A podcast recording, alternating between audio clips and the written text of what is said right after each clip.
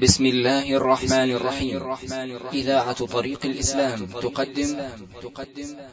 أيها الأحبة هذا هو الشريط المتمم السبعين من شرح رياض الصالحين. الحمد لله رب العالمين والصلاة والسلام على نبينا محمد وعلى آله وصحبه أجمعين.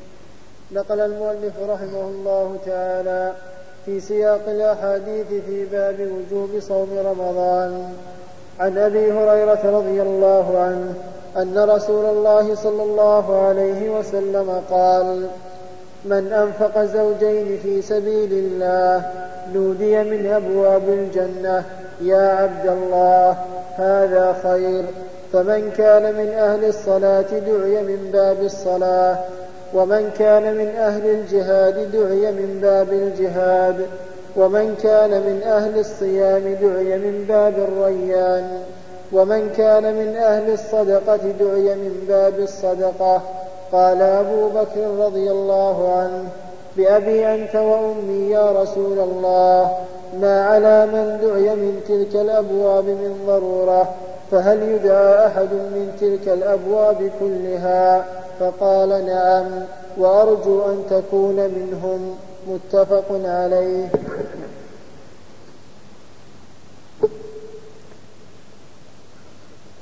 وعن سهل بن سعد رضي الله عنه عن النبي صلى الله عليه وسلم قال إن في الجنة بابا يقال له الريان يدخل منه الصائمون يوم القيامة لا يدخل منه أحد غيرهم يقال أين الصائمون؟ فيقومون. لا يدخل منه أحد غيرهم. فإذا دخلوا أغلق فلم يدخل منه أحد. متفق عليه. وعن أبي سعيد الخدري رضي الله عنه قال قال رسول الله صلى الله عليه وسلم ما من عبد يصوم يوما في سبيل الله إلا باعد الله بذلك اليوم وجهه عن النار سبعين خريفا متفق عليه. وعن أبي هريرة رضي الله عنه عن النبي صلى الله عليه وسلم قال من صام رمضان إيمانا واحتسابا غفر له ما تقدم من ذنبه متفق عليه. بسم الله الرحمن الرحيم. هذه الأحاديث التي ساقها النووي رحمه الله في كتاب رياض الصالحين. كلها تدل على فضل الصيام. فمنها حديث أبي هريرة رضي الله عنه أن النبي صلى الله عليه وسلم قال من أنفق زوجين في سبيل الله دعي من أبواب الجنة. يا عبد الله هذا خير. من أنفق زوجين في سبيل الله يعني صنفين مثل أن ينفق دنانير ودراهم أو دراهم وأمتعة أو خيل وإبل أو ما أشبه ذلك. المهم أن المراد بالزوجين الصنفين كما قال الله تعالى وكنتم أزواجا ثلاثة أي أصنافا ثلاثة. ثم ذكر النبي صلى الله عليه وعلى آله وسلم أبواب الجنة. وفي هذا. وفي قوله دعي من أبواب الجنة يا عبد الله هذا خير. يعني أن الملائكة تدعوه من كل باب. تقول ها هذا خير هذا خير هذا خير. يعني فادخل معه وهذا يدل على فضل الإنفاق في سبيل الله في الجهاد في سبيل الله. وفي أيضا في هذا الحديث أن أهل الصلاة من كان من أهل الصلاة دعي من باب الصلاة. ومن كان من أهل من أهل الصدقة دعي من باب الصدقة. ومن كان من أهل الصيام دعي من باب الريان. يعني هذا الباب خاص يسمى باب الريان. الريان يعني الذي الذي يروى لأن الصائمين يعطشون ولا سيما في أيام الصيف الطويلة الحارة فيجازون بتسمية هذا الباب بما يختص بهم باب الريان. وقول من كان من أهل الصلاة من أهل الصلاة من أهل الصدقة من أهل الصيام من أهل الجهاد يعني من كان يكثر من هذا الشيء. وإلا معلوم أن من صام فقط بدون أن يصلي فإنه لا يدخل الجنة لأنه كافر. لكن المراد بذلك المسلمين إن كانوا يكثرون من الصلاة فإنهم يدعون من أبواب الصلاة من باب الصلاة. يكثرون من الصيام يدعون من باب الصيام. يكثرون من الصدقة يدعون من باب الصدقة. وعلى كل حال من كان من أهل الجنة دخل الجنة من أي باب كان. وأبواب الجنة ثمانية وأبواب النار سبعة. أما أبواب النار فقد ذكرها الله في القرآن لها سبعة أبواب. لكل باب منهم جزء مقصود. وأما أبواب الجنة الثمانية فصحت بها السنة عن رسول الله صلى الله عليه وعلى آله وسلم. ولما حدث النبي صلى الله عليه وعلى آله وسلم بحديث أبي هريرة الذي نحن بصدد شرحه قال أبو بكر يا رسول الله بأبي أنت وأمي ما على من دعي من أحد هذه الأبواب من ضرورة؟ يعني الذي يدعى من باب واحد لا يشق عليه. فهل يدعى أحد من هذه الأبواب كلها؟ يعني كل باب عليه ملائكة يقولون يا فلان تعال. قال نعم. يمكن أن يكون الإنسان كثير الصلاة والصوم والصدقة والجهاد فيدعى من الأبواب كلها. قال نعم. وأرجو أن تكون منهم.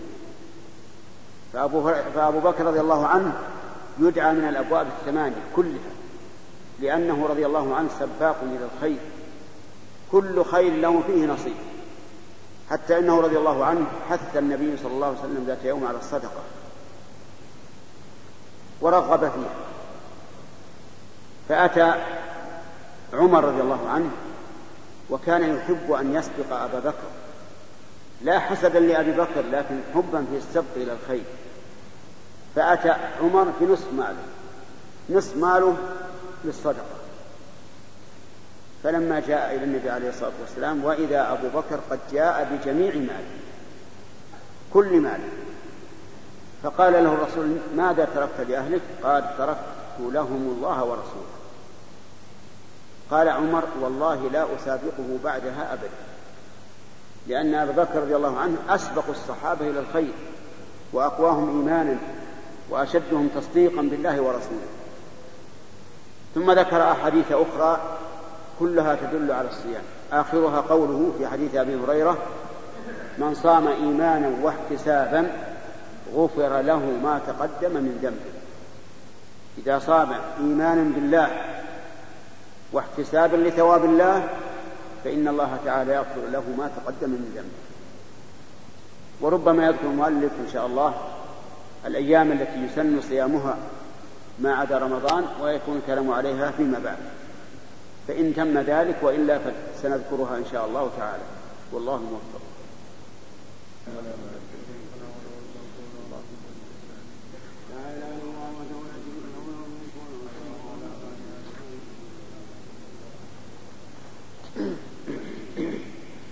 بسم الله الرحمن الرحيم. الحمد لله رب العالمين والصلاة والسلام على نبينا محمد وعلى آله وصحبه أجمعين. نقل المؤلف رحمه الله تعالى في سياق الأحاديث في باب وجوب صوم رمضان. عن أبي هريرة رضي الله عنه أن رسول الله صلى الله عليه وسلم قال إذا جاء رمضان فتحت أبواب الجنة وغلقت أبواب النار وصفدت الشياطين متفق عليه. وعنه رضي الله عنه أن رسول الله صلى الله عليه وسلم قال صوموا لرؤيته وأفطروا لرؤيته فإن غبي عليكم فأكملوا عدة شعبان ثلاثين. متفق عليه. وهذا لفظ البخاري. وفي رواية, وفي رواية مسلم فإن غم عليكم فصوموا ثلاثين يوما. بسم الله الرحمن الرحيم. نقل الإمام نقل الحافظ النووي رحمه الله في كتابه رياض الصالحين في باب وجوب صوم رمضان. عن أبي هريرة أن النبي صلى الله عليه وعلى آله وسلم قال إذا دخل رمضان فتحت أبواب الجنة وغلقت أبواب النيران وصفدت الشياطين. هذه ثلاثة أشياء تكون في رمضان. تفتح أبواب الجنة ترغيبا للعاملين لها بكثرة الطاعات من صلاة وصدقة وذكر وقراءة القرآن وغير ذلك. وتغلق أبواب النيران وذلك لقلة المعاصي فيه من المؤمنين. وصفتت الشياطين يعني المردة منه من الشياطين كما جاء ذلك في رواية أخرى. المردة يعني الذين هم أشد الشياطين عداوة وعدوانا على بني آدم. والتصفيد معناه الغل يعني تغل أيديهم حتى لا يخلصوا إلى إلى ما كانوا يخلصون إليه في غيرهم. وكل هذا الذي أخبر به النبي صلى الله عليه وعلى آله وسلم حق أخبر به نصحا للأمة وتحريضا لها على الخير وتحذيرا لها من الشر. وأما حديث أبي هريرة الثاني فقال صوموا لرؤيته وأفطروا لرؤيته. يعني أنه يجب على المسلمين أن يصوموا إذا رأوا الهلال هلال رمضان. فإن لم يروه فلا صيام عليه. ولهذا قال فإن غبي عليكم فأكملوا عدة شعبان ثلاثين يوما. يعني لو تغبى الهلال في غيم أو قطر أو ما أشبه ذلك فإنه يجب أن يكمل صيام رمضان أن يكمل شعبان ثلاثين يوما ثم يصام. وأما هذا لفظ البخاري ولفظ رواية مسلم فصوموا ثلاثين يوما وهذا فيما إذا غبي هلال شوال. فبين النبي صلى الله عليه وسلم فيما إذا غبي هلال شوال فبين النبي صلى الله عليه وعلى وسلم في هذا الحديث أنه متى خفي الهلال ليلة الثلاثين من شعبان فإنه يجب أن يكمل شعبان ثلاثين يوما وإذا خفي ليلة الثلاثين من رمضان فإنه يكمل ثلاثين يوما. والله موفق. قال رحمه الله تعالى باب الجود وفعل المعروف والإكثار من الخير في شهر رمضان والزيادة من ذلك في العشر الأواخر منه. عن ابن عباس رضي الله عنهما قال كان رسول الله صلى الله عليه وسلم أجود الناس وكان أجود ما يكون في رمضان حين يلقاه جبريل. وكان يلقاه جبريل في كل ليلة من رمضان فيدارسه القرآن. فلرسول الله صلى الله عليه وسلم حين يلقاه جبريل أجود بالخير من الريح المرسلة. متفق عليه. وعن عائشة رضي الله عنها قالت كان رسول الله صلى الله عليه وسلم إذا دخل العاشر أحيا الليل وأيقظ أهله وشد المئزر متفق عليه. بسم الله الرحمن الرحيم. قال المؤلف رحمه الله في كتابه رياض الصالحين باب الجود في في شهر رمضان. الجود هو بذل المحبوب من مال أو عمل والإنسان يجود بماله فيعطي الفقير. ويهدي على الغني ويواسي المحتاج ويجود كذلك بعمله فيعين الإنسان في أموره في سيارته في دكانه في بيته. فالجود هو بذل المال أو العمل. وربما يدخل في ذلك أيضا بذل الجاه بأن يشفع لأحد أو يتوسط له في جلب منفعة أو دفع مضرة أو ما أشبه ذلك. وكان النبي صلى الله عليه وعلى آله وسلم كما قال أنس بن مالك رضي الله عنه أجود الناس. أجود الناس بماله وبدنه وعلمه ودعوته ونصيحته وكل ما ينفع الخلق. وكان أجود ما يكون في رمضان لأن رمضان شهر الجود يجود, يجود الله فيه على العباد والعباد الموفقون يجودون على إخوانهم. والله تعالى جواد يحب الجود. وكان النبي صلى الله عليه وسلم ينزل عليه جبريل في رمضان كل ليلة يدارسه القرآن من أجل أن يثبته في قلبه وأن يحصل الثواب في المدارسة بينه وبين جبريل. وجبريل عليه الصلاة والسلام ينزل لكن على كيفية لا نعلمها لأنه ملك من الملائكة والملائكة لا يرون إلا إذا شاء الله عز وجل. قال رسول الله صلى الله عليه وعلى آله وسلم حين يلقاه جبريل فيدارسه القرآن أجود بالخير من الريح المرسلة. يعني أنه يسارع إلى الخير عليه الصلاة والسلام ويجود به حتى أنه أسرع من الريح المرسلة. الريح المرسلة يعني التي أرسلها الله عز وجل فهي سريعة عاصفة. ومع ذلك فالرسول عليه الصلاة والسلام أجود بالخير من هذه الريح في رمضان. ثم ذكر المؤلف حديث عائشة رضي الله عنها أن النبي صلى الله عليه وعلى آله وسلم إذا دخل العشر الأواخر من رمضان أحيا الليل.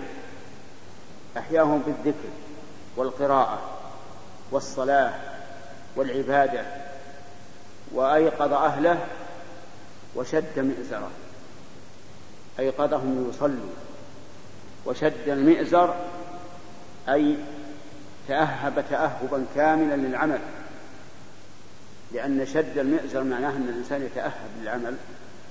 ويتقوى عليه.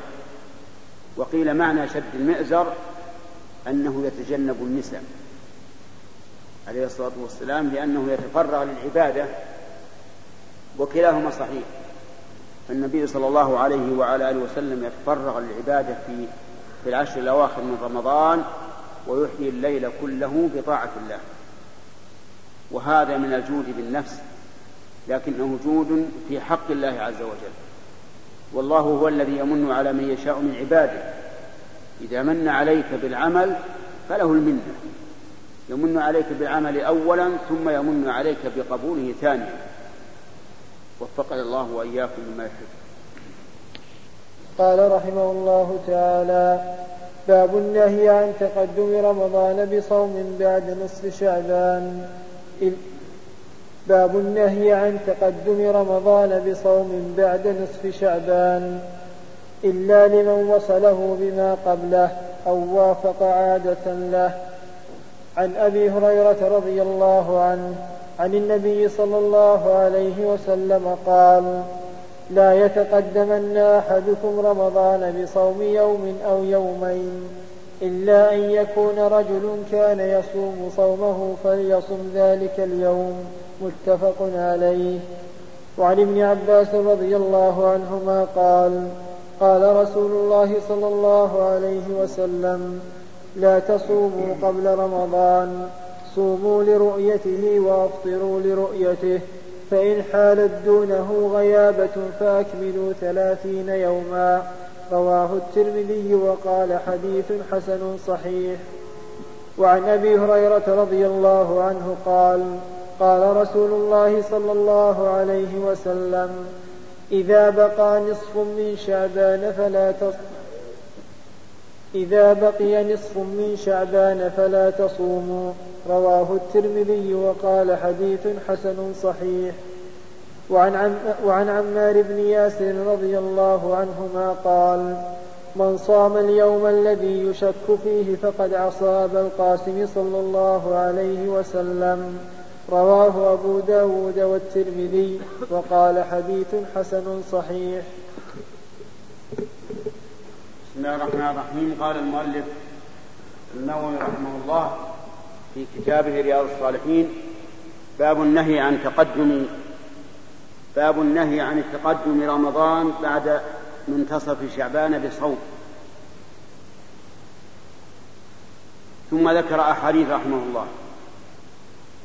منها حديث أبي هريرة رضي الله عنه أن النبي صلى الله عليه وعلى آله وسلم نهى أن يتقدم الرجل رمضان بصوم يوم أو يومين إلا من له عادة مثل أن يكون من عادته أن يصوم يوم الاثنين فصادف يوم الاثنين قبل رمضان بيوم أو يومين فلا بأس أو يكون من عادته أن يصوم أيام البيض ولم يتمكن له ولم يتمكن أن يصوم اليوم الثالث عشر والرابع عشر والخامس عشر ولم يتيسر إلا أن يصوم قبل رمضان بيوم أو يومين فلا بأس. وهذا يدل على أن المقصود بالنهي خوفا من أن خوفا من أن يحتاط الإنسان لدخول رمضان فيقول أصوم قبله بيوم أو يومين احتياطا فإن هذا الاحتياط لا وجه له. ولهذا قال عليه الصلاة والسلام صوموا لرؤيته وأفطروا لرؤيته أي لرؤية الهلال. فإن حال بينكم وبينه غيابة يعني غيم أو قتر أو ما أشبه ذلك فأكملوا العدة ثلاثين يوما يعني عدة شعبان. واختلف العلماء رحمهم الله في هذا النهي. هل هو نهي تحريم أو نهي كراهة؟ والصحيح أنه نهي تحريم. لا سيما اليوم الذي يشك فيه فإن عمار بن ياسر رضي الله عنهما قال من صام اليوم الذي يشك فيه فقد عصى أبا القاسم صلى الله عليه وسلم. وعلى هذا فنقول لا يجوز للإنسان أن يصوم قبل رمضان بيوم أو يومين إلا من له عادة. ولا يجوز أن يصوم يوم الشك وهو, وهو يوم الثلاثين من شعبان. إذا كان في الليلة غيم أو قتر يمنع من رؤية الهلال مطلقا لأن الرسول عليه الصلاة والسلام قال صوموا لرؤيته وأفطروا لرؤيته.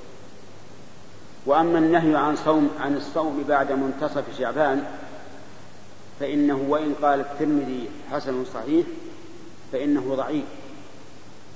قال الإمام أحمد إنه شاذ. إنه يخالف حديث أبي هريرة رضي الله عنه أن النبي صلى الله عليه وسلم قال لا تصوموا قبل رمضان بيوم أو يومين فإن مفهومه أنه يجوز أن يصوم قبل رمضان بثلاثة أيام وأربعة أيام وعشرة أيام. وحتى لو, لو صح الحديث فالنهي فيه ليس للتحريم وإنما هو للكراهة كما أخذ بذلك بعض أهل العلم رحمهم الله. إلا من له عادة بصوم فإنه يصوم ولو بعد منتصف رمضان شعبان. وعلى هذا فيكون الصيام ثلاث أقسام. بعد النصف إلى الثامن والعشرين هذا مكروه إلا من اعتاد الصوم لكن هذا القول مبني على صحة الحديث والإمام أحمد لم يصححه وعلى هذا فلا كراهة. الثاني قبل رمضان بيوم أو يومين فهذا محرم إلا من له عادة. والثالث يوم الشك فهذا محرم مطلقا لا تصم يوم الشك. لأن النبي صلى الله عليه وسلم نهى عنه. ولكن كما قلت يظهر أن النهي لمن أراد أن يجعله من رمضان. وأما من أراد التطوع به فإنه يحرم تحريم الذرائع. يعني بمعنى أنه يخشى أن الناس إذا رأوا هذا الرجل قد صام ظنوا أنه صام احتياطا. وهذا لا يجوز أن يحتاط. صوموا لرؤيته وأفطروا لرؤيته. والله موفق.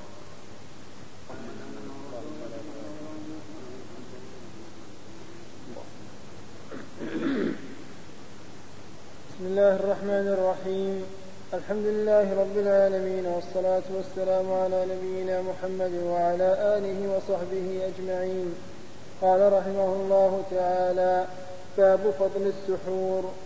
عن أنس رضي الله عنه قال قال رسول الله صلى الله عليه وسلم تسحروا فإن في السحور بركة متفق عليه.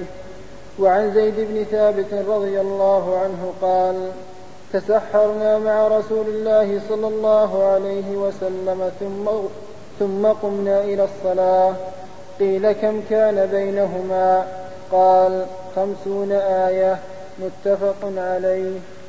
وعن ابن عمر رضي الله عنهما قال كان لرسول الله صلى الله عليه وسلم مؤذنان بلال وابن أم مكتوم. فقال رسول الله صلى الله عليه وسلم إن بلالا يؤذن, يؤذن بليل فكلوا واشربوا حتى يؤذن ابن أم مكتوم. حتى يؤذن ابن أم مكتوم. قال ولم يكن بينهما إلا أن ينزل هذا ويرقى هذا. متفق عليه.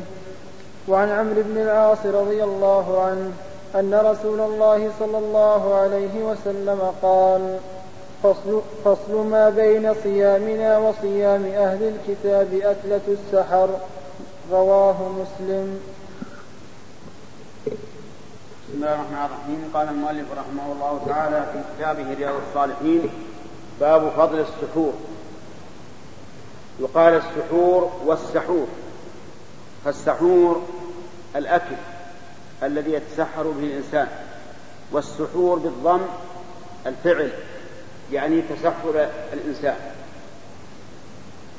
والسحور حث عليه النبي صلى الله عليه وسلم بقوله وأيده بفعله فقال صلى الله عليه وعلى آله وسلم تسحروا فإن في السحور بركة. فأمر وبين أمر بأن نتسحر وبين أن في السحور بركة.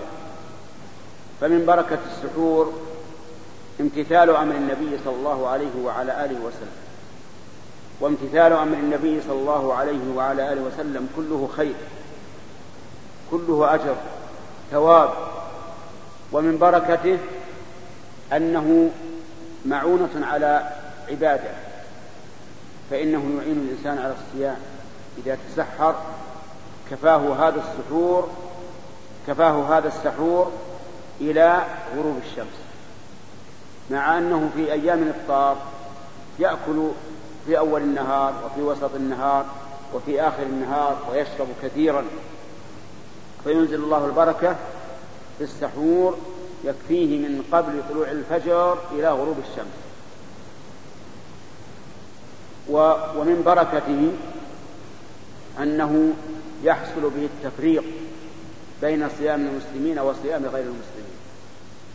ولهذا بين النبي صلى الله عليه وعلى آله وسلم أن فصل ما بيننا وبين صيام أهل الكتاب أكلة السحر يعني السحور لأن أهل الكتاب يصومون من نصف الليل فيأكلون قبل منتصف الليل لا يأكلون في السحور أما المسلمون ولله الحمد فيأكلون في السحر في آخر الليل.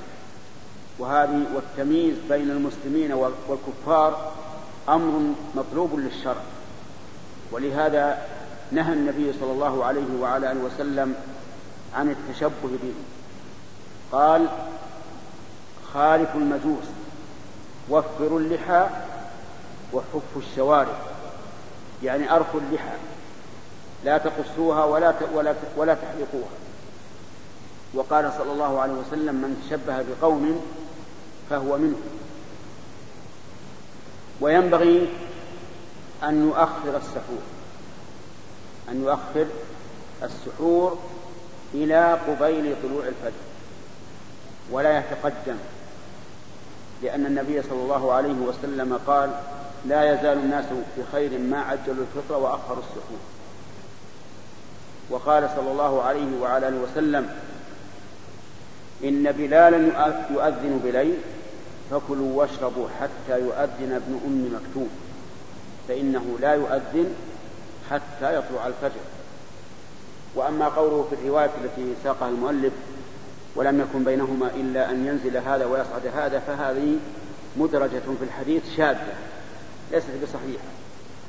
لأن أمر النبي صلى الله عليه وسلم بالأكل والشرب حتى يؤذن ابن أم مكتوم دليل على أن بينهما فرقا كبيرا تسع للأكل والشرب والسحور. فهي جملة ضعيفة شاذة لا لا لا عمدة عليها.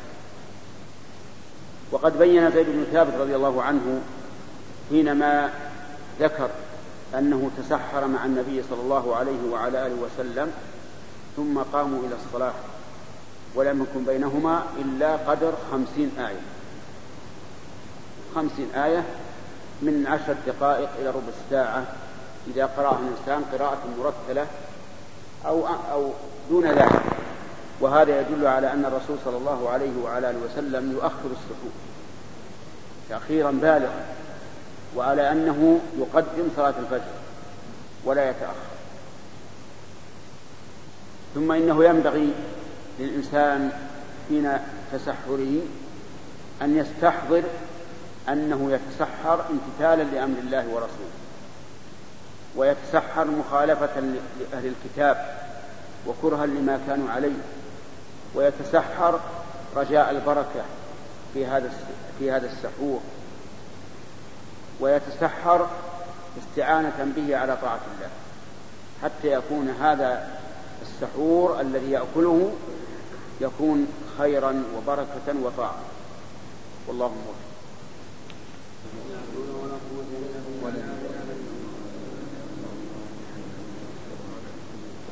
اللهم لا مانع لما اعطيت ولا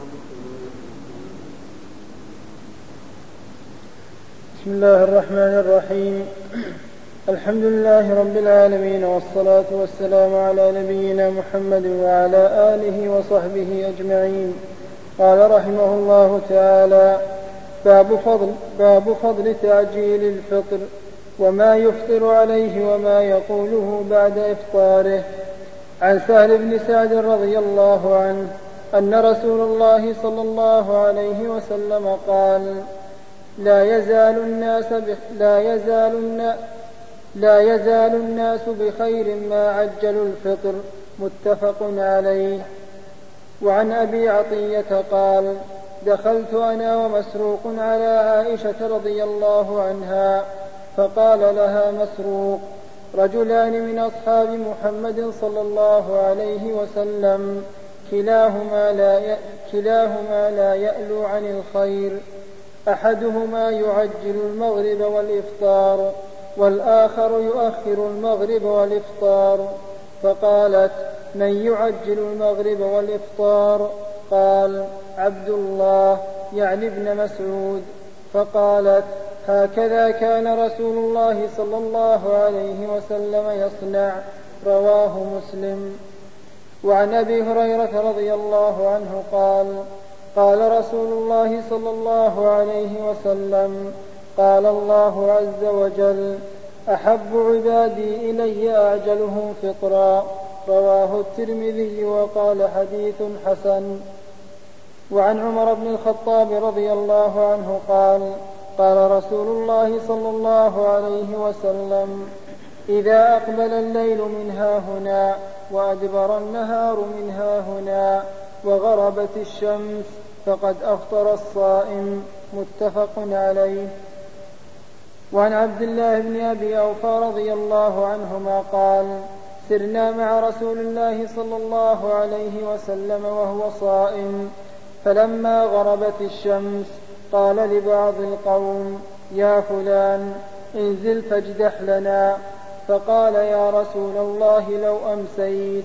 قال انزل فاجدح لنا. قال إن عليك نهارا. وقال انزل فاجدح لنا.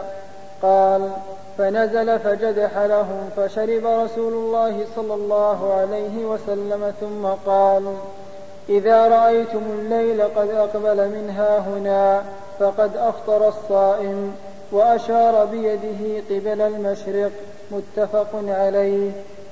وعن سلمان بن عامر الضبي الصحابي رضي الله عنه عن النبي صلى الله عليه وسلم قال إذا أفطر أحدكم فليفطر على تمر فإن لم يجد فليفطر على ماء فإنه, فإنه طهور. رواه أبو داود والترمذي وقال حديث حسن صحيح. وعن أنس رضي الله عنه قال كان رسول الله صلى الله عليه وسلم يفطر قبل أن يصلي على رطبات فإن لم تكن رطبات فتميرات فإن لم تكن تميرات حسى حسوات من ماء. رواه أبو داود والترمذي وقال حديث حسن. بسم الله الرحمن الرحيم. قال المؤلف رحمه الله تعالى في في كتاب رياض الصالحين باب فضل تعجيل الفطر وما يفطر به وما يقال عند الفطور. هذه ثلاث مسائل. المسألة الأولى تعجيل الفطر لكن بشرط أن يتحقق غروب الشمس. لقول النبي صلى الله عليه وعلى آله وسلم في حديث عمر بن الخطاب الذي ساقه المؤلف إذا أقبل الليل من ها هنا يعني من المشرق وأدبر النهار من ها هنا يعني من المغرب وغربت الشمس فقد أفطر الصائم. فإذا بادر الإنسان بالفطر من حين أن يغرب قرص الشمس ولو كان البياض ظاهرا والشعاع في الأفق ما دام قرص الشمس قد غاب فأفطر وبادر. وهذا هو السنة القولية والفعلية من الرسول عليه الصلاة والسلام. أما الفعلية فدليلها حديث عائشة رضي الله عنها. حين سألها عطية ومسروق عن رجلين من أصحاب النبي صلى الله عليه وعلى آله وسلم. أحدهما يؤخر الفطر ويؤخر صلاة المغرب. والثاني يعجل الفطر ويعجل صلاة المغرب. أيهما أصوب؟ فقال فقالت عائشة من هذا الذي يعجل؟ قالوا ابن مسعود رضي الله عنه. فقالت هكذا كان النبي صلى الله عليه وعلى آله وسلم يفعل. يعني يعجل الفطر ويعجل صلاة المغرب. هذه سنة فعلية تدل على أن الأفضل تقديم الإفطار. أما القولية فحديث سهل بن سعد أن النبي صلى الله عليه وعلى آله وسلم قال لا يزال الناس بخير ما عجلوا الفطر. فما دام الناس يبادرون إلى السنة ويتسابقون إلى الخير فهم بخير لا يزالون بخير. أما إذا تباطؤوا ولم يفطروا مبادرين فإن ذلك هو الشر. ولهذا كان الرافضة المخالفون لسنة الرسول عليه الصلاة والسلام وهديه كانوا يؤخرون الفطور لا يفطرون إلا إذا اشتبكت النجوم. فيحرمون من الأجر والثواب ويحرمون من تعجيل إعطاء النفوس حظوظها من الأكل والشرب. يعذبون في الدنيا قبل الآخرة. لأن الإنسان إذا تأخر وهو مثلا عطشان أو جائع يتألم أكثر. فهم يؤلمون أنفسهم بتأخير الفطور ويخالفون السنة ويفوتهم الأجر. ثم إنه ثم إن المؤلف رحمه الله ذكر أن الأفضل أن يفطر. على رطب. فإن لم يجد فتمر. فإن لم يجد فماء. لأن النبي صلى الله عليه وسلم كان يفطر على رطيبات قليلة لا يكثر لأنه لا ينبغي الإكثار عند الفطور. فإن المعدة خالية. فإذا أكثرت فهذا يضرك. أعطها شيئا فشيئا. قلل عند الفطور. ولهذا ليس من الطب أن الإنسان, أن الإنسان إذا أفطر على طول يتعشى كما يفعل بعض الناس بل الطب يقتضي أن تعطي المعدة الشيء القليل لأنها خالية.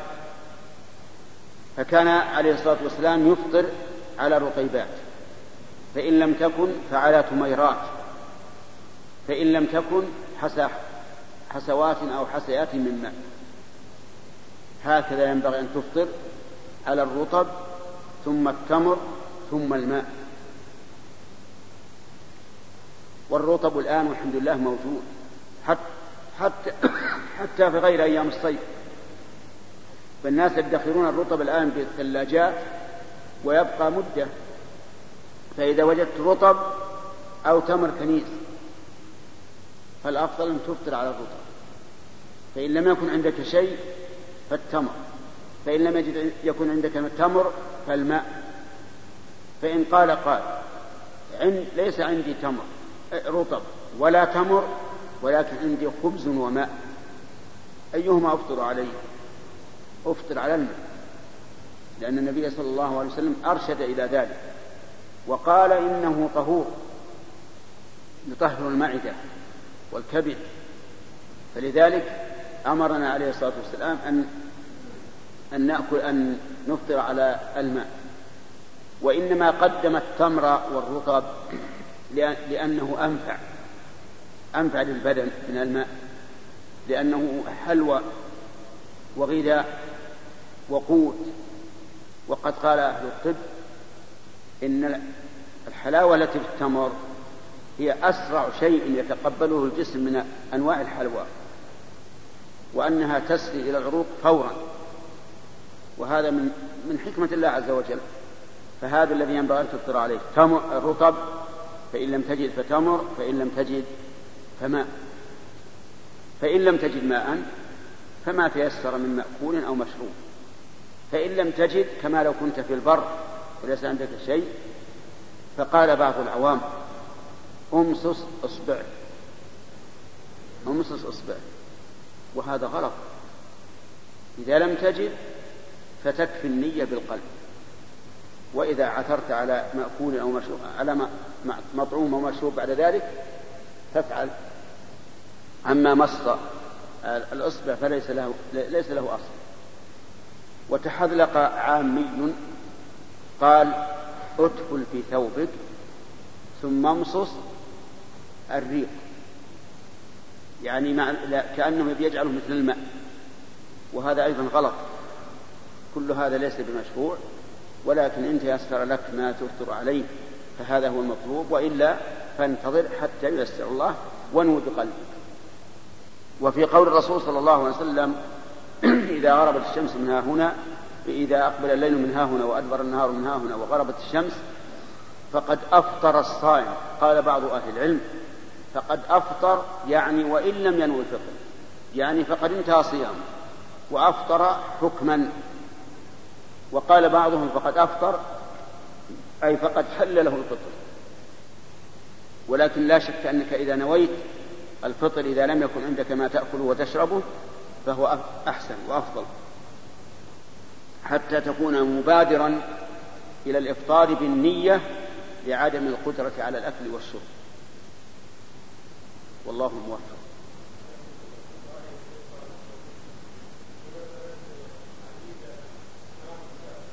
نعم. أي لا تعجيل صلاة المغرب مو ليس معناه تعجيل الأفعال يعني في نفس الصلاة. تعجيلها يعني يقدمها ما يتأخر في الإقامة. بارك الله فيك. السلام.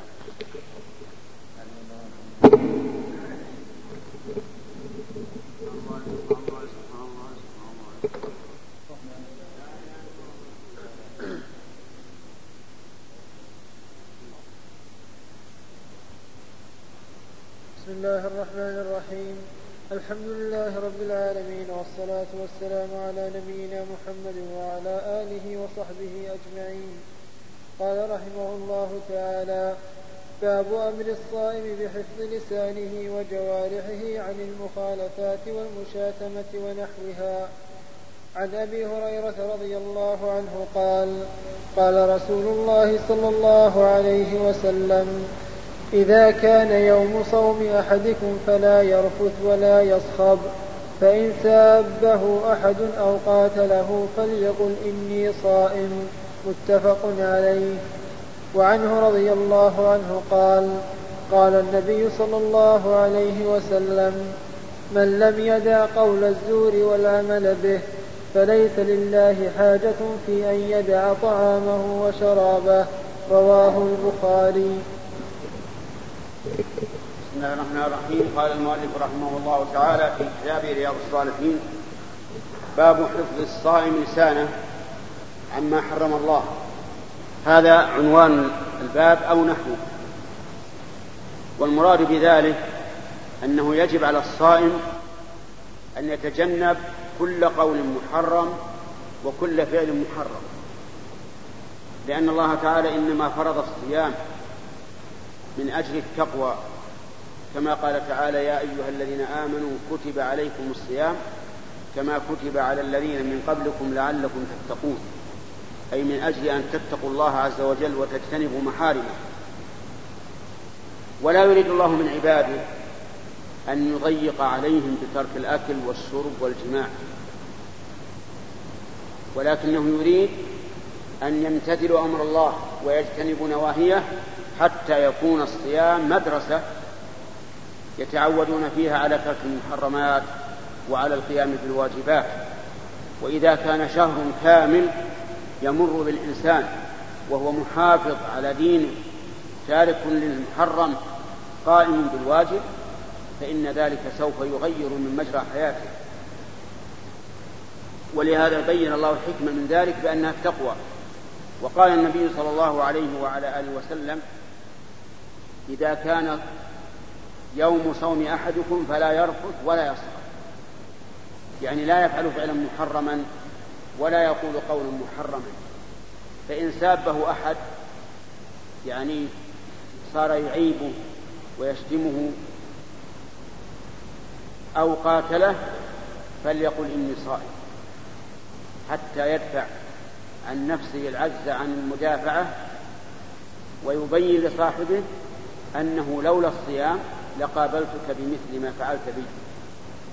فيبقى عزيزا لا ذليلا لكنه ذل لعبودية لله تعالى وطاعة له.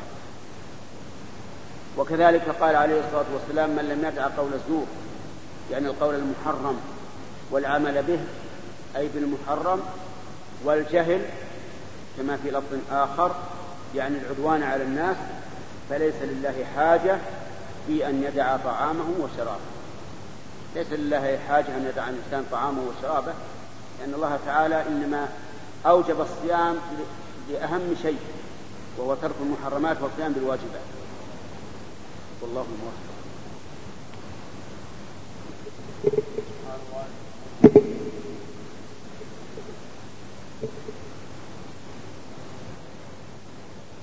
باب في مسائل من الصوم. عن أبي هريرة رضي الله عنه عن النبي صلى الله عليه وسلم قال إذا نسي أحدكم فأكل أو شرب فليتم صومه فإنما أطعمه الله وسقاه. متفق عليه. وعن لقيط بن صبرة رضي الله عنه قال قلت يا رسول الله أخبرني عن الوضوء. قال أسبغ الوضوء وخلل بين الأصابع. وبالغ في الاستنشاق إلا أن تكون صائما. رواه أبو داود والترمذي وقال حديث حسن صحيح. وعن عائشة رضي الله عنها قالت كان رسول الله صلى الله عليه وسلم يدركه الفجر وهو جنب من أهله ثم يغتسل ويصوم. متفق عليه. وعن عائشة وأم سلمة رضي الله عنهما قالتا كان رسول الله صلى الله عليه وسلم يصبح جنبا من غير حلم ثم يصوم. متفق عليه. بسم الله الرحمن الرحيم. قال المؤلف رحمه الله في كتابه رياض الصالحين باب في مسائل في الصوم. يعني مسائل آه، متنوعة متفرقة فمنها إذا أكل الإنسان أو شرب وهو صائم ناس ناسيا فهل يفسد صومه؟ استمع الجواب في قول في قول النبي صلى الله عليه وعلى آله وسلم فيما رواه عنه أبو هريرة رضي الله عنه قال من نسي وهو صائم فأكل أو شرب فليتم صومه فإنما أطعمه الله وسقاه فإذا أكلت أو شربت ولو شبعت ولو رويت وأنت ناس في الصيام فإن صومك تام. ليس فيه نقص. ولهذا قال فليتم صومه.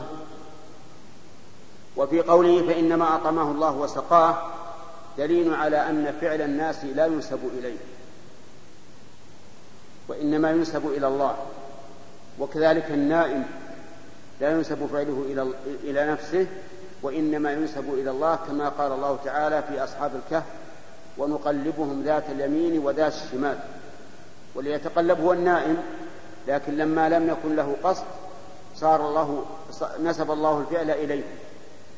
كذلك الناس لم يتعمد فساد الصوم نسي وأكل وشرب على العادة.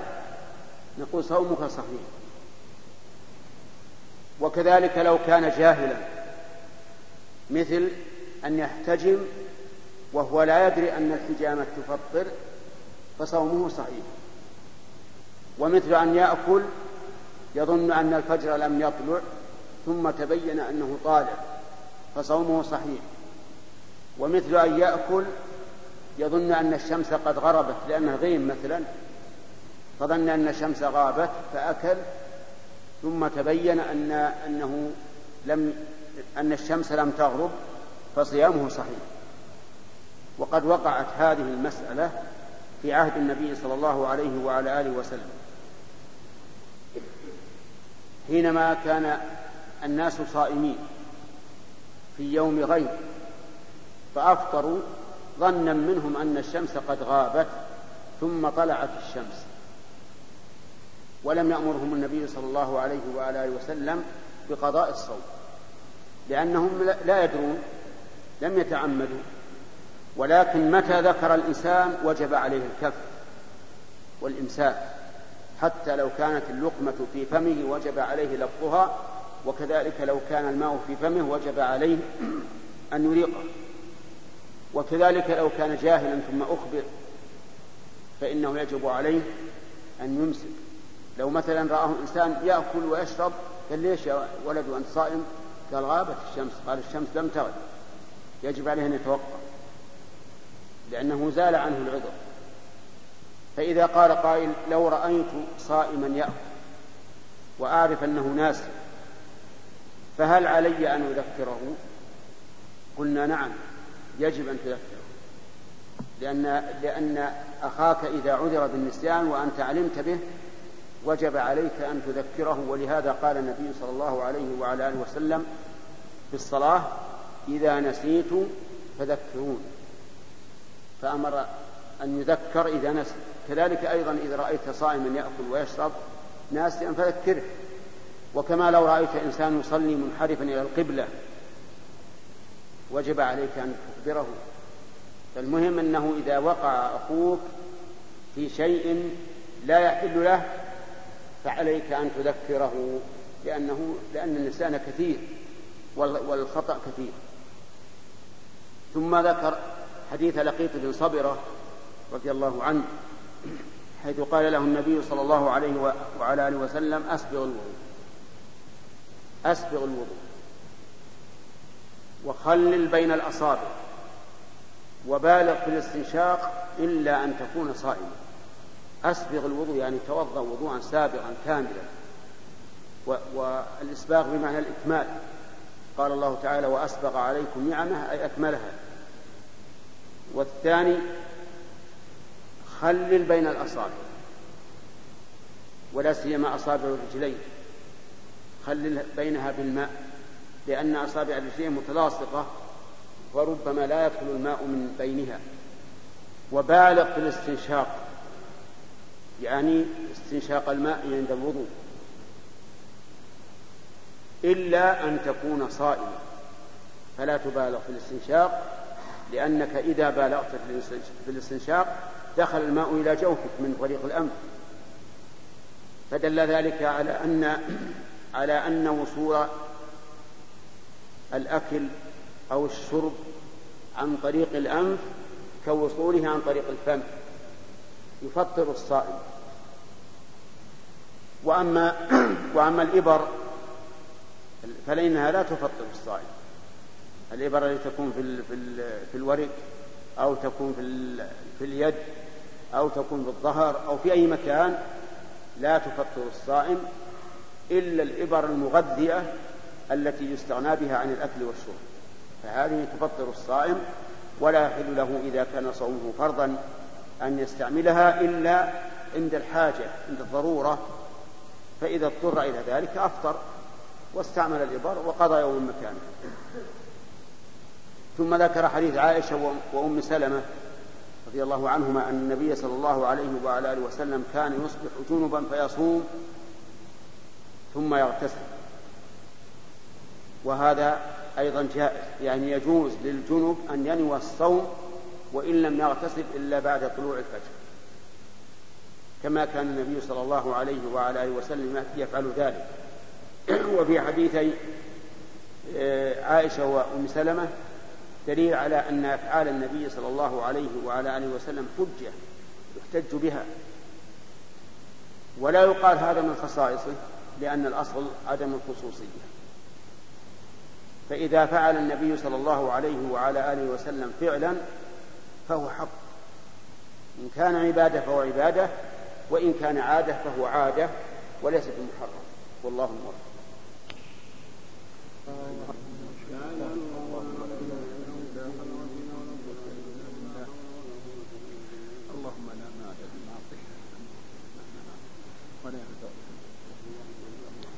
بسم الله الرحمن الرحيم.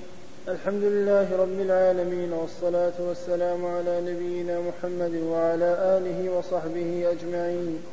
قال رحمه الله تعالى باب فضل صوم المحرم وشعبان والأشهر الحرم. عن أبي هريرة رضي الله عنه قال قال رسول الله صلى الله عليه وسلم أفضل الصيام بعد رمضان شهر الله المحرم وأفضل الصلاة بعد الفريضة صلاة الليل رواه مسلم. وعن عائشة رضي الله عنها قالت لم يكن النبي صلى الله عليه وسلم يصوم من شهر أكثر من شعبان فإنه كان يصوم شعبان كله وفي رواية كان يصوم شعبان إلا قليلا متفق عليه. وعن مجيبة الباهلية عن أبيها أو عمها أنه أتى رسول الله صلى الله عليه وسلم ثم انطلق فأتاه بعد سنة وقد تغيرت حاله وهيئته فقال يا رسول الله أما تعرفني؟ قال ومن أنت؟ قال أنا الباهلي الذي جئتك عام الأول. قال فما غيرك وقد كنت حسن الهيئة قال ما أكلت طعاما منذ فارقتك إلا بليل. فقال صلى الله عليه وسلم عذبت نفسك. ثم قال صم شهر الصبر ويوما من كل شهر. قال زدني فإن بي قوة. قال صم يومين. قال زدني. قال صم ثلاثة أيام. قال زدني. قال صم من الحرم واترك. صم من الحرم واترك. صم من الحرم واترك. وقال بأصابعه الثلاث فضمها ثم أرسلها. رواه أبو داود. بسم الله الرحمن الرحيم. هذا الباب ذكر المؤلف رحمه الله فيه بيان ما يسن صومه من الأيام والشهور. فمن ذلك صوم شعبان فقد كان النبي صلى الله عليه وعلى آله وسلم يصومه كله أو إلا قليلا كما روت ذلك عنه عائشة رضي الله عنها. ولهذا ينبغي للإنسان أن يكثر من الصيام في شهر شعبان أكثر من غيره لأن النبي صلى الله عليه وعلى آله وسلم كان يصوم. قال أهل العلم والحكمة من ذلك أنه يكون بين مقدمة بين يدي رمضان كالرواتب بين يدي الفريضة. ومن ذلك أيضا شهر الله المحرم. شهر الله المحرم هو ما بين ذي الحجة وصفر. قال فيه النبي صلى الله عليه وسلم أفضل الصيام بعد رمضان شهر الله المحرم. ويتأكد أن يصوم منه العاشر والتاسع أو العاشر والحادي عشر أو العاشر والتاسع والحادي عشر. ومن ذلك أيضا أن يصوم من كل شهر ثلاثة أيام كما في حديث الباهلي. وقد كان النبي صلى الله عليه وعلى وسلم يصوم من كل شهر ثلاثة أيام لا يبالي أصامها في أول الشهر أو وسطه أو آخره. لكن أيام البيض أفضل وهي يوم الثالث عشر والرابع عشر والخامس عشر. ومن ذلك أيضا أن يصوم يوم عرفة لأن النبي صلى الله عليه وآله وسلم سئل عن صومه فقال إنه يكفر, سنة يكفر السنة الماضية والباقية يعني يكفر سنتين. وسيأتي إن شاء الله في, في كلام المؤلف أو في هذا الكتاب بيان أشياء من الأيام يسن صومها. وفي حديث الباهلي الذي صام سنة كاملة حتى تغيرت هيئته وضعفت حاله وجاء إلى النبي صلى الله عليه وسلم فقال له من أنت؟ فقال هل تعرفني؟ قال من أنت؟ قال أنا الباهلي الذي أتيتك عام أول. فأخبره بما كان يصنع وأنه لم يفارق وأنه لم يترك الصوم منذ فارقه. فقال له النبي صلى الله عليه وسلم عذبت نفسك. وفي هذا دليل على أنه ليس من الشرع أن يكلف الإنسان نفسه ما لا تطيق وأن وأن يعذب نفسه لأن الله يقول ما ما يفعل الله بعذابكم إن شكرتم وآمنتم وكان الله شاكرا عليما والله موفق. بسم الله الرحمن الرحيم. الحمد لله رب العالمين والصلاة والسلام على نبينا محمد وعلى آله وصحبه أجمعين. قال رحمه الله تعالى باب فضل الصوم وغيره في العشر الأول من ذي الحجة. عن ابن عباس رضي الله عنهما قال قال رسول الله صلى الله عليه وسلم ما من أيام العمل الصالح فيها أحب إلى الله من هذه الأيام يعني أيام العشر. قالوا يا رسول الله ولا الجهاد في سبيل الله. قال ولا الجهاد في سبيل الله. إلا رجل خرج بنفسه وماله فلم يرجع من ذلك بشيء. رواه البخاري. باب فضل, باب فضل صوم يوم عرفة وعاشورا وتاسوعا. عن أبي قتادة رضي الله عنه قال سئل رسول الله صلى الله عليه وسلم سئل رسول الله صلى الله عليه وسلم عن صوم يوم عرفة قال يكفر السنة الماضية والباقية رواه مسلم. وعن ابن عباس رضي الله عنهما أن رسول الله صلى الله عليه وسلم صام يوم صام يوم عاشوراء وأمر بصيامه متفق عليه. وعن أبي قتادة رضي الله عنه أن رسول الله صلى الله عليه وسلم سئل عن صيام يوم عاشوراء فقال يكفر السنة الماضية رواه مسلم. وعن ابن عباس رضي الله عنهما قال قال رسول الله صلى الله عليه وسلم لئن بقيت إلى قابل لأصومن التاسع. رواه مسلم. باب استحباب صوم ستة أيام من شوال. عن أبي أيوب رضي الله عنه أن رسول الله صلى الله عليه وسلم قال من صام رمضان ثم أتبعه ستا من شوال كان كصيام الدهر. رواه مسلم. بسم الله الرحمن الرحيم. هذه الأبواب الثلاثة التي عقدها النووي في كتاب رياض الصالحين في بيان أيام يسن صيامها. فمنها مما يسن صيامه أيام العشر عشر ذي الحجة الأول. فإن النبي صلى الله عليه وعلى آله وسلم قال ما من أيام العمل الصالح فيها أحب إلى الله من هذه الأيام؟ يعني أيام العشر. وقوله العمل الصالح يشمل الصلاة والصدقة والصيام والذكر والتكبير وقراءة القرآن وبر الوالدين وصلة الأرحام والإحسان إلى الخلق وحسن الجوار وحسن الجوار وغير ذلك. كل الأعمال الصالحة. ما من أيام في السنة تكون يكون العمل فيها يكون العمل الصالح فيها أحب إلى الله من هذه الأيام العشر. قالوا ولا الجهاد في سبيل الله. قال ولا الجهاد في سبيل الله. إلا رجل خرج بنفسه وماله فلم يرجع من ذلك بشيء.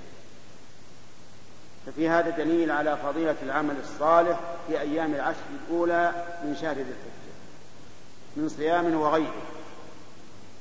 وفيه دليل أيضا على أن الجهاد من أفضل الأعمال.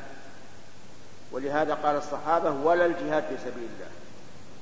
وفيها دليل على فضيلة هذه الحال النادرة أن يخرج الإنسان مجاهدا في سبيل الله بنفسه وماله وماله يعني سلاحه ومركوبه ثم يقتل ويؤخذ سلاحه ومركوبه يأخذه العدو. فهذا فقد نفسه وماله في سبيل الله فهو من أفضل المجاهدين. فهذا أفضل من العمل الصالح في أيام العشر. وإذا وقع هذا العمل في أيام العشر تضاعف فضله. ومن الأيام التي يسن صيامها صيام يوم عرفة. واليوم العاشر من شهر المحرم. لحديث أبي قتادة رضي الله عنه أن النبي صلى الله عليه وعلى آله وسلم سئل عن صوم يوم عرفة قال يكفر السنة الماضية والباقية الماضية التي انتهت لأن يوم عرفة في آخر شهر من العام. والباقي فهو يكفر سنتين. وسئل عن صوم يوم عاشوراء فقال يكفر السنة الماضية فهو أقل أجرا من صوم يوم عرفة. ومع ذلك ينبغي أن يصوم مع عاشوراء تاسوعا لأن النبي صلى الله عليه وعلى آله وسلم قال لئن بقيت إلى قابل لأصومن التاسع يعني مع العاشر. ولأنه أمر أن يصام يوما قبله أو يوما بعده مخالفة لليهود.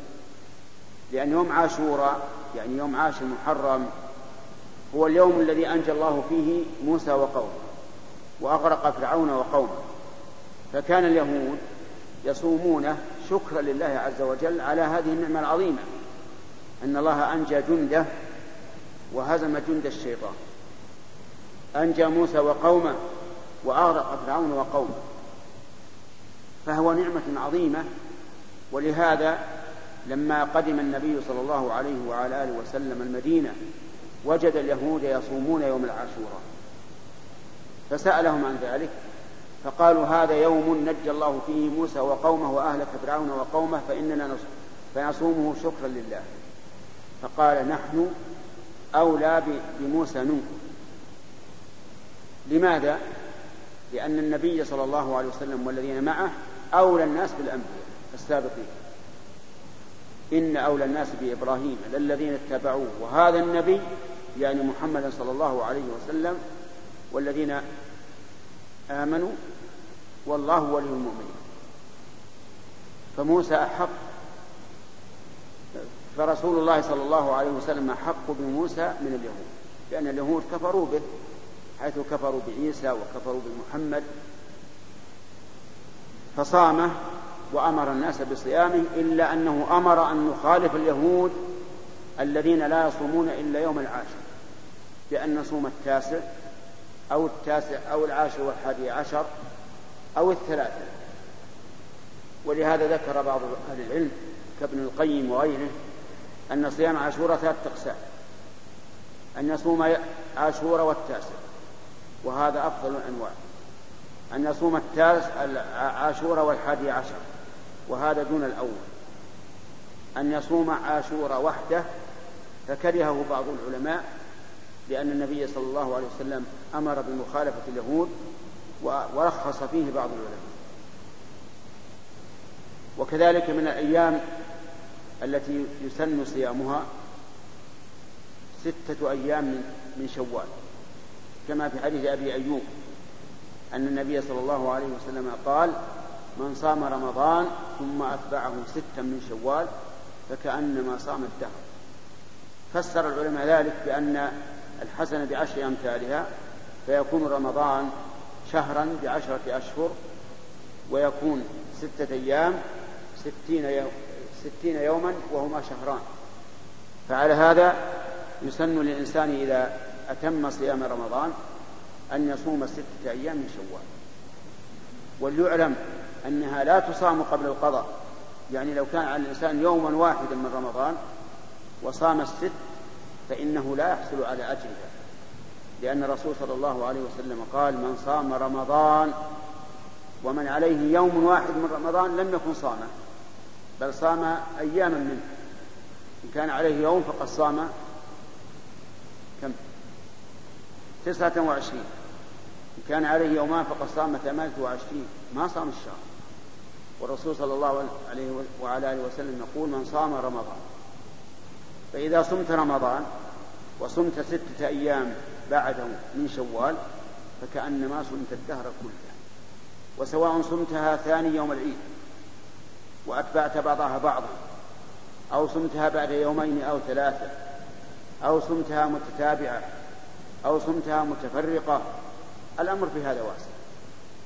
لكن لو أنك تساهلت حتى خرج شوال وصمت فإنها لا تكون بهذا الأجر اللهم إلا من كان معذورا مثل أن يكون مريضا أو امرأة نفساء أو مسافرا ولم يصم في شوال وقضاها في القعدة فلا بأس.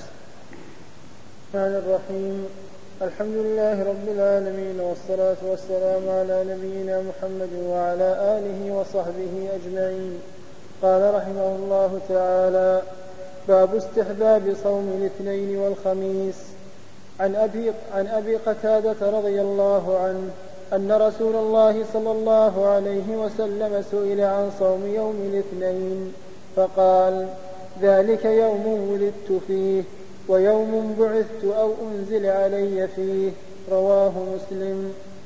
وعن أبي هريرة رضي الله عنه عن رسول الله صلى الله عليه وسلم قال تعرض الأعمال يوم الاثنين والخميس فأحب أن يعرض عملي وأنا صائم. رواه الترمذي وقال حديث حسن رواه مسلم بغير ذكر صوم. وعن عائشة رضي الله عنها قالت كان رسول الله صلى الله عليه وسلم يتحرى صوم الاثنين والخميس. رواه الترمذي وقال حديث حسن. باب استحباب صوم ثلاثة أيام من كل شهر. عن أبي هريرة رضي الله عنه قال أوصاني خليلي صلى الله عليه وسلم بثلاث صيام ثلاثة أيام من كل شهر وركعتي الضحى. وأن أوتر قبل أن أنام متفق عليه. وعن أبي الدرداء رضي الله عنه قال أوصاني حبيبي صلى الله عليه وسلم ثلاث لن أدعهن ما عشت بصيام ثلاثة أيام من كل شهر وصلاة الضحى وبأن لا أنام حتى أوتر. رواه مسلم. وعن عبد الله بن عمرو بن العاص رضي الله عنهما قال قال رسول الله صلى الله عليه وسلم صوم ثلاثة أيام من كل شهر صوم الدهر كله صوم الدهر كله متفق عليه. وعن معاذة العدوية أنها سألت عائشة رضي الله عنها أكان رسول الله صلى الله عليه وسلم يصوم من كل شهر ثلاثة أيام؟ قالت نعم. فقلت من أي الشهر كان يصوم؟ قالت لم يكن يبالي من أي الشهر يصوم. رواه مسلم. وعن أبي ذر رضي الله عنه قال قال رسول الله صلى الله عليه وسلم إذا صمت من الشهر ثلاثا فصم, فصم ثلاثة عشر فصم ثلاث عشرة وأربع عشرة وخمس عشرة رواه الترمذي وقال حديث حسن. وعن ابن عباس رضي الله عنهما قال كان رسول الله صلى الله عليه وسلم لا يفطر أيام البيض في حضر ولا سفر في حضر ولا سفر. رواه النسائي بإسناد حسن. بسم الله الرحمن الرحيم. هذان البابان عقدهما المؤلف النووي رحمه الله. في كتابه رياض الصالحين في بيان فضل صوم يوم الاثنين والخميس وثلاثة أيام من كل شهر. أما صوم يوم الاثنين فإن النبي صلى الله عليه وعلى آله وسلم سئل عن صومه فقال ذاك يوم ولدت فيه وبعثت أو أنزل علي فيه وكذلك مات فيه عليه الصلاة والسلام. فصوم يوم الاثنين فيوم الاثنين ولد فيه النبي صلى الله عليه وعلى آله وسلم لكن في أي شهر لم يتبين, لم يتبين. هل هو في شهر ربيع الأول أو في غيره؟ وهل هو في, في اليوم الثاني عشر منه أو في غيره؟ إنما المؤكد أنه ولد يوم الاثنين عليه الصلاة والسلام. كذلك أيضا أنزل على الرسول صلى الله عليه وعلى آله وسلم فيه يعني أول ما نزل عليه القرآن في يوم الاثنين. والراوي شك هل قال أنزل أو بعث وبينهما فرق لأنه أنزل عليه القرآن قبل أن يبعث. أنزل عليه سورة اقرأ باسم ربك الذي خلق خلق الإنسان من علق اقرأ وربك الأكرم الذي علم بالقلم علم الإنسان ما لم يعلم وبهذا صار نبيا وأنزل عليه. وأما البعث وهو الإرسال فإنما كان بقوله تعالى يا أيها المدثر قم فأنذر وربك فكبر وثيابك فطهر والرجز فاهجر. وهذا بعد الأول. وعلى كل فهذه مناسبة صار صار هذا اليوم له فيه مناسبات شريفة عظيمة ولادة الرسول صلى الله عليه وسلم وإنزال الوحي عليه أو إرساله إلى الناس. وأما صيام ثلاثة أيام من كل شهر ففيه أحاديث منها حديث أبي هريرة رضي الله عنه وأبي الدرداء والثالث أبو ذر. هؤلاء الثلاثة أوصاهم النبي صلى الله عليه وعلى آله وسلم بوصية واحدة لكن كل واحد في وقت. أوصاهم بصيام ثلاثة أيام من كل شهر. وقال لعبد الله بن عمرو بن العاص صوم ثلاثة أيام من كل شهر صوم الدهر كله. لأن ثلاثة أيام والحسنة بعشر أمثالها تكون ثلاثين يوما فيكون صوم الدهر كله. أوصاهم بثلاثة أيام من كل شهر ولم يعين لم يقل في الثالث عشر والرابع عشر والخامس عشر. وأوصاهم أيضا بركعتي الضحى. وركعة, وركعة الضحى وقتها, وقتها من ارتفاع الشمس قدر الرمح أي من نحو ثلث ساعة بعد طلوع الشمس إلى قبيل الزوال. أي إلى ما قبل الزوال بنحو عشر دقائق. كل هذا وقت لركعة الضحى. وتسن كل كل يوم. لأن النبي صلى الله عليه وعلى آله وسلم قال إن كل عضو من أعضاء بني آدم كل عضو. يصبح كل يوم عليه صدقة مقابل الأعضاء. والأعضاء ثلاثين وستين عضو في الإنسان. في الإنسان الواحد ثلاثين وستين عضو. إذا عليك كل يوم كم صدقة هداية الله؟ لا. ثلاثمية وستين صدقة. لأن الأعضاء ثلاثمائة وستين عضوا فيكون عليه ثلاثمائة وستين صدقة لكن الصدقات ما هي لازم للمال؟ كل تسبيحة صدقة كل تهليلة صدقة كل تكبيرة صدقة أمر بالمعروف صدقة. نهي عن منكر صدقة حتى إعانة الرجل في دابته صدقة حتى جماع الرجل لأهله صدقة. ولكن قال النبي صلى الله عليه وسلم يغني عن ذلك كله ركعتان يركعهما من الضحى. إذا أنت إذا ركعت ركعتين من, من الضحى أديت الواجب عليك من الصدقات وبقي الباقي تطوعا. ثم إن هذه الأيام نعم أما الثالث قال وأن أوتر قبل أن أنام. وهذا لمن يخشى أن لا يقوم من آخر الليل. الذي يخشى أن لا يقوم من آخر الليل نقول أوتر قبل أن تنام. احتط لنفسك. أما الذي يطمع أن يقوم من آخر الليل فليجعل وتره في آخر الليل. هكذا جاءت السنة عن النبي صلى الله عليه وعلى آله وسلم. قال العلماء وإنما أوصى هؤلاء بأن يوتروا قبل أن يناموا لأن مقتضى حالهم تقتضي ذلك. فقد كان أبو هريرة رضي الله عنه في أول الليل يتحفظ أحاديث رسول الله صلى الله عليه وعلى آله وسلم وينام في آخر الليل. ثم إن الأيام الثلاثة يجوز أن تصومها في العشر الأول أو في العشر الأوسط أو في العشر الأخير أو كل عشرة أيام يوم أو كل أسبوع يوم. كل هذا جائز. ولا ولا وهو والأمر واسع. ولهذا قالت عائشة رضي الله عنها إن النبي صلى الله عليه وعلى آله وسلم لا يبالي من أي الشهر صامه من أوله أو وسطه أو آخره. لكن اليوم الثالث عشر والرابع عشر والخامس عشر أحسن وأفضل لأنها أيام البيض أما صوم يوم الخميس فهو أيضا سنة لكنه دون صوم يوم الاثنين.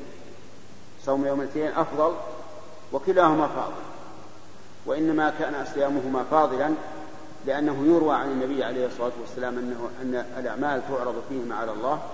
قال فأحب أن يعرض عملي وأنا صائم. وأفضل الصيام صيام داود أن يصوم الإنسان يوما ويفطر يوما.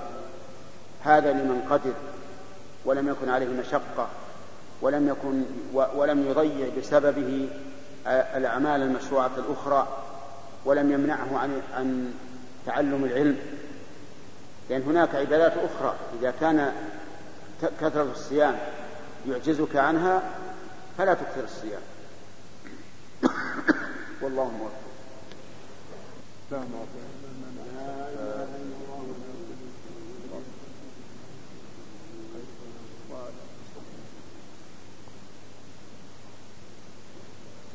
بسم الله الرحمن الرحيم. الحمد لله رب العالمين والصلاة والسلام على نبينا محمد وعلى آله وصحبه أجمعين. قال رحمه الله تعالى باب فضل من فطر صائما. عن زيد بن خالد الجهني رضي الله عنه عن النبي صلى الله عليه وسلم قال من فطر صائما كان له مثل أجره غير أنه لا ينقص من أجر الصائم شيء. رواه الترمذي وقال حديث حسن صحيح. وعن أم عمارة الأنصارية رضي الله عنها أن النبي صلى الله عليه وسلم دخل عليها فقدمت إليه طعاما فقال كلي فقالت إني صائمة فقال رسول الله صلى الله عليه وسلم إن الصائم تصلي عليه الملائكة إذا أكل عنده حتى يفرغوا وربما قال حتى يشبعوا. رواه الترمذي وقال حديث حسن. وعن أنس رضي الله عنه أن النبي صلى الله عليه وسلم جاء إلى سعد بن عبادة رضي الله عنه فجاء بخبز وزيت فأكل ثم قال النبي صلى الله عليه وسلم أفطر عندكم الصائمون وأكل طعامكم الأبرار. وصلت عليكم الملائكة. رواه أبو داود بإسناد صحيح. كتاب الاعتكاف. باب الاعتكاف في رمضان. عن ابن عمر رضي الله عنهما قال كان رسول الله صلى الله عليه وسلم يعتكف العشر الأواخر من رمضان. متفق عليه. وعن عائشة رضي الله عنها أن النبي صلى الله عليه وسلم كان يعتكف العشر الأواخر من رمضان حتى توفاه الله تعالى ثم اعتكف أزواجه من بعده متفق عليه. وعن أبي هريرة رضي الله عنه قال كان النبي صلى الله عليه وسلم يعتكف في كل رمضان عشرة أيام فلما كان العام الذي قبض فيه اعتكف عشرين يوما رواه البخاري. بسم الله الرحمن الرحيم. هذا الباب باب فضل من فطر صائما هو آخر ما ذكره النووي رحمه الله في كتابه رياض الصالحين فيما يتعلق بالصيام. وذلك أن من نعمة الله سبحانه وتعالى على عباده أن شرع لهم التعاون على البر والتقوى. ومن ذلك تفطير الصائم لأن الصائم مأمور بأن يفطر وأن يعجل الفطر فإذا أعين على هذا فهو من نعمة الله عز وجل. ولهذا قال النبي صلى الله عليه وسلم من فطر صائما فله مثل أجره من غير أن ينقص من أجر الصائم شيء. واختلف العلماء في, في, في معنى قوله من فطر صائما. فقيل إن المراد من فطره على أدنى ما يفطر به الصائم ولو بتمرة. وقال بعض العلماء المراد بتفطيره أن يشبعه. لأن هذا هو الذي ينفع الصائم طول ليله وربما يستغني به عن السحور. ولكن ظاهر الحديث أن الإنسان إذا فطر صائما ولو بتمرة واحدة فإن له مثل فإن له مثل أجره. ولهذا ينبغي للإنسان أن يحرص على تفطير الصوام بقدر المستطاع. لا سيما مع حاجة الصائمين وفقرهم أو حاجتهم لكونهم ليس في بيوتهم من يقوم بتجهيز الفطور لهم بتجهيز الفطور لهم وما أشبه ذلك. ثم ذكر باب الاعتكاف رحمه الله ثم ذكر رحمه الله تعالى باب الاعتكاف والاعتكاف لزوم المسجد لطاعة الله عز وجل. وهو مشروع في العشر الأواخر من رمضان. لأن النبي صلى الله عليه وعلى آله وسلم كان يعتكف العشر الأول ثم اعتكف العشر الأوسط يتحرى ليلة القدر ثم قيل له إنها في العشر الأواخر فصار يعتكف العشر الأواخر من رمضان. وبهذا عرفنا أنه لا يشرع الاعتكاف في غير رمضان. وأن ما ذكره بعض العلماء من أنه ينبغي للإنسان إذا قصد المسجد أن ينوي الاعتكاف مدة لبثه فيه قول لا دليل عليه فإن النبي صلى الله عليه وعلى آله وسلم لم يشرعه لأمته لا بقوله ولا بفعله يعني لم يقل للناس إذا دخلتم المسجد فنوا الاعتكاف فيه في أي وقت وأي وفي أي حال. ولم يقل ولم يكن يفعل ذلك هو بنفسه. وإنما كان يعتكف في العشر الأواخر تحريا لليلة القدر. ولهذا ينبغي للمعتكف أن لا يشتغل إلا بالطاعة من صلاة وقراءة قرآن وذكر وغير ذلك. حتى تعليم العلم قال العلماء لا ينبغي للمعتكف أن يشتغل بتعليم العلم. بل يقبل على العبادات الخاصة لأن هذا الزمن مخصوص للعبادات الخاصة. و ولا يجوز للمعتكف أن يخرج من المسجد إلا لما لا بد منه.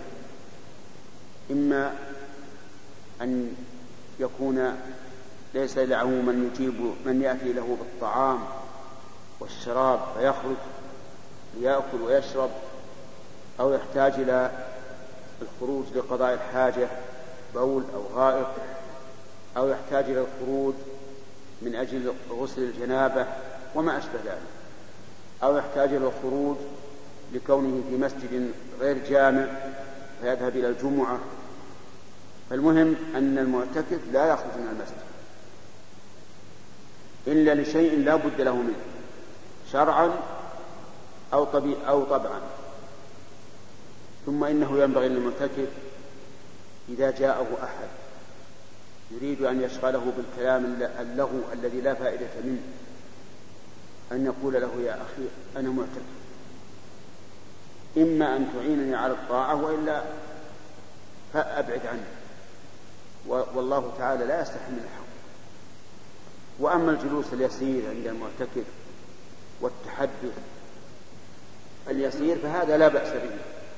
لأن النبي صلى الله عليه وعلى آله وسلم كان يستقبل نساءه وهو معتكف فيتحدث إليهن ويتحدثن إليه. والله موفق. نعم. أي نعم. دروسنا في الحرم في رمضان حاجة لأنه لا يتسنى لنا أن ندرس في كل الوقت. يعني بقاؤنا في رمضان أو حضورنا للمسجد الحرام إنما هو في العشر الأواخر. فمن أجل الحاجة صار السنة نفعل هذا. قال رحمه الله تعالى كتاب الحج باب وجوب الحج وفضله. قال الله تعالى ولله على الناس حج البيت من استطاع إليه سبيلا. ومن كفر فإن الله غني عن العالمين. عن ابن عمر رضي الله عنهما أن رسول الله صلى الله عليه وسلم قال بني الإسلام على خمس شهادة أن لا إله إلا الله وأن محمدا رسول الله وإقام الصلاة وإيتاء الزكاة وحج البيت وصوم رمضان متفق عليه. وعن أبي هريرة رضي الله عنه قال خطبنا رسول الله صلى الله عليه وسلم فقال يا أيها الناس إن الله قد فرض عليكم الحج فحجوا. فقال رجل أكل عام يا رسول الله؟ فسكت حتى قالها ثلاثا. فقال رسول الله صلى الله عليه وسلم لو قلت نعم لوجبت ولما استطعتم. ثم قال ذروني ما تركتكم فإنما هلك من كان قبلكم بكثرة سؤالهم واختلافهم على أنبيائهم. فإذا أمرتكم بشيء فأتوا منه ما استطعتم وإذا نهيتكم عن شيء فدعوه رواه مسلم. الله الرحمن الرحيم. قال المؤلف رحمه الله تعالى في كتابه رياض الصالحين باب وجوب الحج وفضله. الحج هو قصد مكة للتعبد لله سبحانه وتعالى بأداء المناسك. وهو أحد أركان الإسلام بإجماع المسلمين. ودليل فرضه قول الله تبارك وتعالى ولله على الناس حج البيت من استطاع إليه سبيلا ومن كفر فإن الله غني عن العالمين. وهذه الآية نزلت في العام التاسع من من الهجرة. وهو العام الذي يسمى عام الوفود. وبه وبها فرض الحج. أما قوله تعالى في سورة البقرة وأتموا الحج والعمرة لله ففيها فرض الإتمام لا فرض الابتداء. ففرض الابتداء كان في السنة التاسعة بآية, بآية سورة آل عمران. وأما فرض الاستمرار والإتمام فكان في آية البقرة في في سنة ست من الهجرة. قال الله تعالى ولله على الناس حج البيت من استطاع إليه سبيلا على الناس يعني على جميع. لكن الكافر لا نأمره بالحج حتى يسلم. وأما المسلم فنأمره بأن يحج. بهذا الشرط الذي اشترط الله عز وجل من استطاع إليه سبيلا. يعني من استطاع أن يصل إلى مكة فمن لم يستطع لفقره فلا حج عليه. ومن لم يستطع لعجزه نظرنا فإن كان عجزه لا يرجى زواله وعنده مال وجب أن يقيم من يحج عنه. وإن كان يرجى زواله كمرض طارئ طرأ عليه في أيام الحج فإنه ينتظر حتى يعافيه الله ثم يحج بنفسه. ثم ذكر المؤلف رحمه الله حديث ابن عمر رضي الله عنهما أن النبي صلى الله عليه وعلى آله وسلم قال بني الإسلام على خمس وقد سبق الكلام عليه فلا حاجة إلى الإعادة. والشاهد من هذا قوله وحج البيت الحرام. مع تحيات إخوانكم بإذاعة طريق الإسلام والسلام عليكم ورحمة الله وبركاته.